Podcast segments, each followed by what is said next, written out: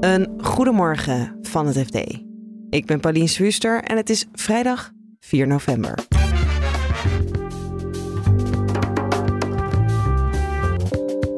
De ondernemingskamer heeft Gerard Sandring de macht ontnomen bij zijn IT-bedrijf Centric. Het personeel, de medewerkers en heel veel klanten hebben kennelijk uitgesproken: als Sandring hier blijft, dan vertrek ik. Dus met Sandring heeft dat bedrijf dus geen toekomst. Dat is eigenlijk wat er op tafel lag. En je hoort over een nieuwe technologie waarmee artsen dieper in de longen kunnen kijken. Dus je kunt beter vaststellen of het kanker is en ook wat voor vorm van kanker is. Het kan natuurlijk veel uitmaken voor de behandelopties die er zijn voor een patiënt. Dit is de dagkoers van het FD. De stand van zaken is nu zo dat het bestuur van Centric Holding uitsluitend nog bestaat uit meneer Sandering.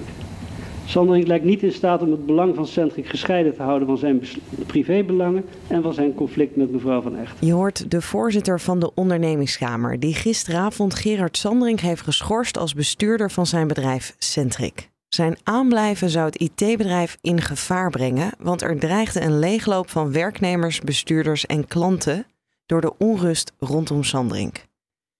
Ik was bij de zitting samen met collega's Stijn van Gils en Joris Polman. We praten hier in dagkoers met elkaar na.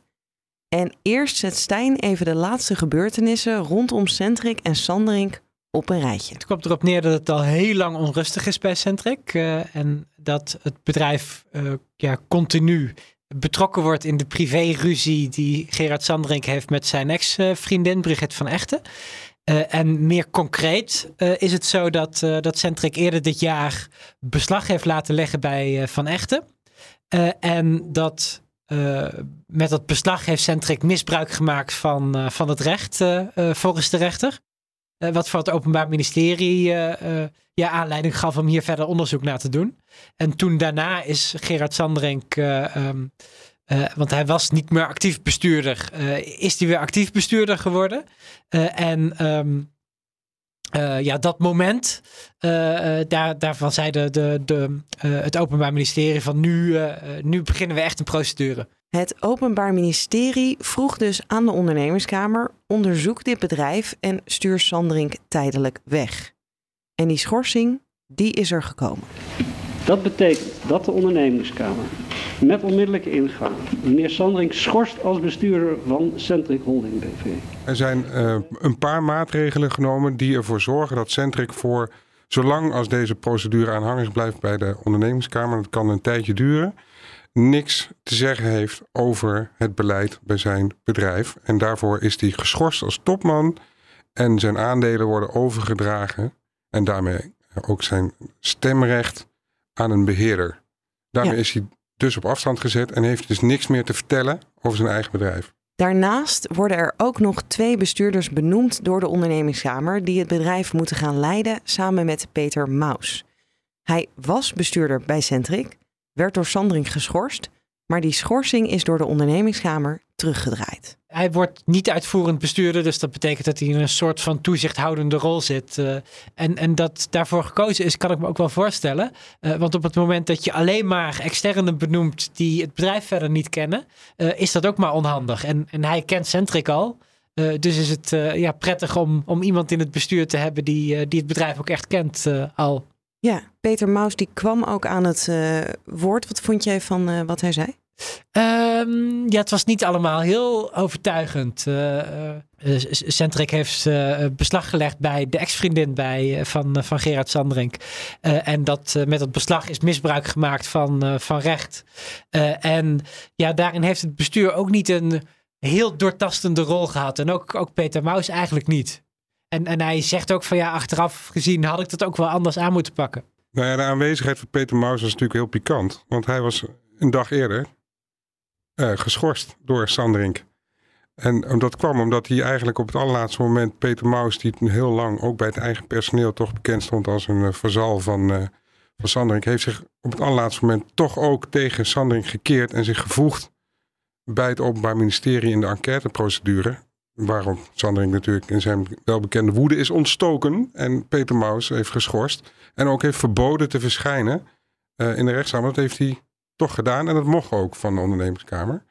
Ehm, en wat ook opviel is dat Centric zelf niet is verschenen bij de zitting. Ook dat uh, heeft te maken met de opstelling van uh, Sandring. Want die heeft de advocaat weggestuurd van, uh, van Centric. En daardoor was het bedrijf waar het over ging, het kroonjuweel, was niet vertegenwoordigd. Heel bijzonder. Ja, maar wie er wel was, was Rian van Rijbroek. Ja, wat leuk. Ze worden zelden samen in het openbaar gezien. Er gaan heel veel verhalen over hun relatie, al jarenlang. Uh, en uh, wat niemand had verwacht, was dat uh, Sanderink arm in arm met zijn geliefde ten tonele verscheen. Het was zelfs een beetje aandoenlijk om te zien. Ze zaten samen in, naast elkaar voor de rechter en zaten elkaar telkens bevestigend toe te knikken uh, bij hun voor de meeste toehoorders niet te verstaan uh, commentaar op uh, alles wat er werd gewisseld. Um, en ze, ze deden ook het woord. Ze bleken aan de basis te hebben gestaan van een poging om een helpdesk voor hackers op te richten bij Centric. alleen volgens haar door de aanhoudende negatieve media-hype is dat plan gesneuveld. En die media-aandacht, dat is volgens Sandring het grote probleem. Het gaat slecht met zijn bedrijf omdat er constant negatieve verhalen verschijnen over hem en over zijn vriendin Rian van Rijbroek. Als dat op zou houden, dan kan hij zijn bedrijf redden. Dat was gisteren zijn verweer. Zijn advocaat Paul Akda noemt het een media-hype. Um, en juist de journalisten van Tubantia en het FD melken de media-aandacht voor de zaak Sandrink ook uit. Podcasts zijn gemaakt over Sandrink en mevrouw van Rijbroek. Dit allemaal met tendentieuze en bizarre achtergrond. Ik kan er natuurlijk nu grappig over doen, maar hij is echt woest op de rol van de media. En daar zijn wij een onderdeel van. Uh, ook Tubantia wordt daarbij steeds genoemd. En dat zijn natuurlijk de twee kranten die heel veel over deze kwestie hebben geschreven. Maar hij draait hier wel iets om. Hij doet voorkomen alsof wij het bedenken en dus in de krant zetten. Maar wij worden natuurlijk voortdurend gevoed door informatie van onze bronnen. Openbare stukken, gerechtelijke uitspraken en procedures die gewoon uh, te volgen zijn. En daar berichten wij over. En hij voelt zich daardoor aangevallen. Um, ja, dat, dat is zijn perceptie. Ja. Um, maar dat was geen sterk verweer bij de ondernemingskamer.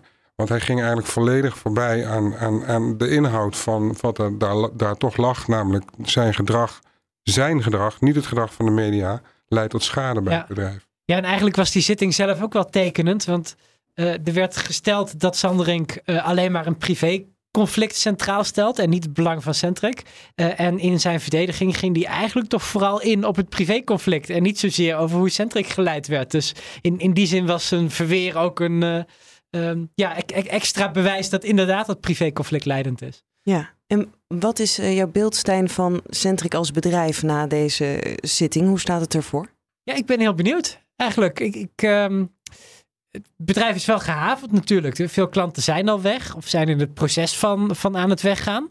Um, uh, veel goede mensen zijn vertrokken. Uh, dus dat, dat maakt het de komende tijd wel lastig. Uh, tegelijkertijd werken daar ook ja, een groot aantal mensen die heel trouw zijn. En die heel graag willen dat dit bedrijf er weer bovenop komt.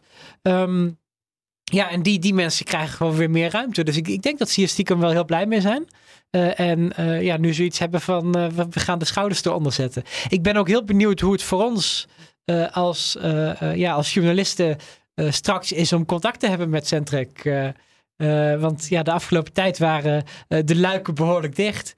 Uh, maar ik kan me voorstellen dat, dat medewerkers nu ook deels weer denken van ja, we willen toch wel vertellen hoe, hoe, wij ons best doen om dit bedrijf weer verder te helpen. Ja, want het beeld wat naar voren kwam was wel een bedrijf waar en de klanten weglopen en alle werknemers weglopen. Ja, ja, en wat ik ervan meeneem is dat al die klanten en werknemers een lot hebben verbonden aan het aanblijven van Sanderink. Dus het personeel, de medewerkers en heel veel klanten hebben kennelijk uitgesproken: als Sanderink hier blijft, dan vertrek ik.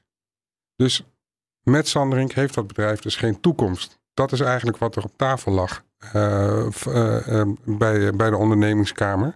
En dus zag de ondernemingskamer geen andere manier dan Sanderink voor de duur van de procedure weg te sturen bij zijn eigen bedrijf. Omdat anders die leegloop een feit zou worden. En dit verhaal wordt vervolgd. Je volgt het natuurlijk in dagkoers, maar ook in onze podcastserie over Gerard Sandring, die nog even voorbij kwam in de zitting. Even een uitstapje. Een podcast um, ehm, van het FD, achter gesloten deuren, met een titel: De ondernemer en de meesterhacker. De bedrijven en de miljoenenerfenis. En dan het laatste deel: De boerenzoon en de Saoedische prins. Wil je die afleveringen nou luisteren? Dat kan in je favoriete podcast-app. En je kan ook op achtergesloten deuren stemmen voor de Dutch Podcast Awards. Zouden wij heel fijn vinden. Kan nog tot en met dit weekend op podcastawards.nl/slash stem. En dan gaan we nog even naar iets heel anders. Philips heeft samen met het Radboud UMC een katheter ontwikkeld waarmee je dieper in de longen kan kijken en zo longkanker op kan sporen. In 2019 schreef onze collega Vase al over deze techniek dat hij eraan kwam. Nu is het er en kon hij het in het echt toegepast zien worden. Met een katheter kunnen ze via je mond en via je luchtwegen kunnen ze dieper in je longen komen. Op plaatsen waar ze voorheen dus niet via je mond konden komen. En dat eh, heeft in ieder geval de belofte in zich van verbeterde diagnostiek. Dus je kunt beter vaststellen of het kanker is en ook wat voor vorm van kanker is. Het kan natuurlijk veel uitmaken voor de behandelopties die er zijn voor een patiënt. Ja, en in 2019 was het dus al uh, de voorpagina. Nu ben je uiteindelijk in de operatiekamer uh, geweest. Is dat snel eigenlijk in drie jaar? Nou, het had misschien best wel sneller gekund. Je hoopt eigenlijk dat het sneller kan. Vaak kan het met medische technologie sneller dan met medicijnen. Nu duurt het nog een jaar overigens, maar dan is het standaardzorg in Nederland. Dus dan zou iedere patiënt die, die deze, die dus verdachte plekjes in de uithoeken van zijn longen heeft, hiervoor in aanmerking kunnen komen. Nu is het alleen nog in, eh, in Nijmegen op het Radboud uh, UMC. Ja, en, en wat zag jij daar in die operatiekamer? Nou ja, dat is best wel spectaculair. Dus je, je, je, wordt helemaal ingepakt en dan zie je hoe een, een, in dit geval een klinisch medicus eerst een rubberen slang in het keel doet van een patiënt. Die patiënt had ik van tevoren nog even gesproken, maar die was inmiddels onder narcose. En dan gaat in eerste instantie een bronchoscopie door die slang. En dan kijk je echt in de binnenkant van de longen met een cameraatje op, een, op het tv-scherm. En dan zie je op een gegeven moment dat die camera niet verder kan. En dan komt er dus een tweede slang, wordt er de luchtwegen ingeleid. En die gaat dan dieper, diep, dieper de longen in. En dan heb je geen camera meer. En dat was het nieuwe. Dan wordt er, terwijl die patiënt op de operatietafel ligt, wordt er op dat moment een CT-scan gemaakt van die longen. Waardoor die arts veel beter kan bepalen welke takken die moet nemen om bij dat verdachte plekje te komen. En dat zag je dus. En dan schakelt hij over van die bronchoscopie van het tv-scherm. Schakelt hij over op de CT-scanner. En een, feite een röntgenfoto's. Of een, zie je dan. Eh, ook in 3D. En dan zie je dat die, deze arts had in eerste instantie niet helemaal de goede afslag te pakken in, in dat web. En weet dan, oh wacht, ik moet hier een andere afslag hebben. En kwam zo bij dat verdachte plekje terecht. En kon daar vervolgens een stukje weefsel wegpakken. Ja. Dat zie je dan live gebeuren terwijl de patiënt in narcose ligt. Vond, vond ik best wel spectaculair. En dit is dus uh, in samenwerking met uh, Philips, deze technologie. Is Philips dan ook een voorloper of zijn er allerlei medische technologiebedrijven hiermee bezig? Allerlei bedrijven zijn hiermee bezig. Ik begrijp dat Philips hier wel een voorloper is. Dat, dat ga ik een beetje af op die longarts in, uh, in Nijmegen. Maar wat ik zelf nog even daar rondom heb gezocht, heb ik geen reden om daaraan te twijfelen. Je ziet bijna altijd met dit soort technieken dat bijvoorbeeld Siemens en General Electric er ook mee bezig zijn. Ja, en de kunst is natuurlijk nu voor Philips om te zorgen dat uh, deze techniek eh, fijn geslepen wordt. Dus dat de hoeveel, ik begrijp de hoeveelheid röntgenstraling die je gebruikt, de software die eraan hangt, moet zorgen dat deze operatie, kijkoperatie, dat die, hè, dat die soepeler gaat. Dat het gewoon effectiever is, makkelijker. Ja. En naarmate je daar gebruiksvriendelijker wordt, wordt het natuurlijk ook goedkoper. Want nu, op dit moment, hebben ze een operatiekamer met, met een stuk of zes mensen staan om, zijn er, zijn er mee bezig. Kunnen ze vier patiënten in één dag kunnen ze een stukje weefsel afnemen. Dus dat is twee uur per patiënt. Dat maakt natuurlijk de kosten hoger. En je wil graag dat het betaalbaar wordt, waardoor het natuurlijk voor een grotere groep mensen uh, relevant wordt.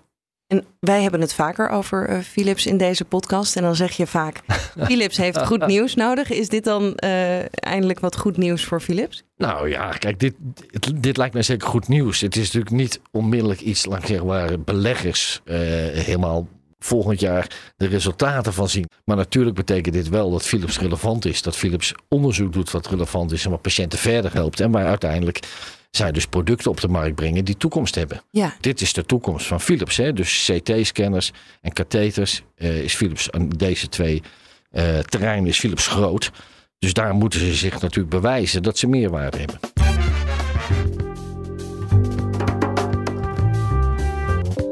Dit was de dagkoers van het FD. En vergeet dus niet te stemmen op achtergesloten deuren voor de Dutch Podcast Award. Linkje vind je in de show notes. Morgen vind je in deze feed onze weekendpodcast De Week voorbij. En maandagochtend weer een verse dagkoers. Alvast een heel fijn weekend en graag tot maandag.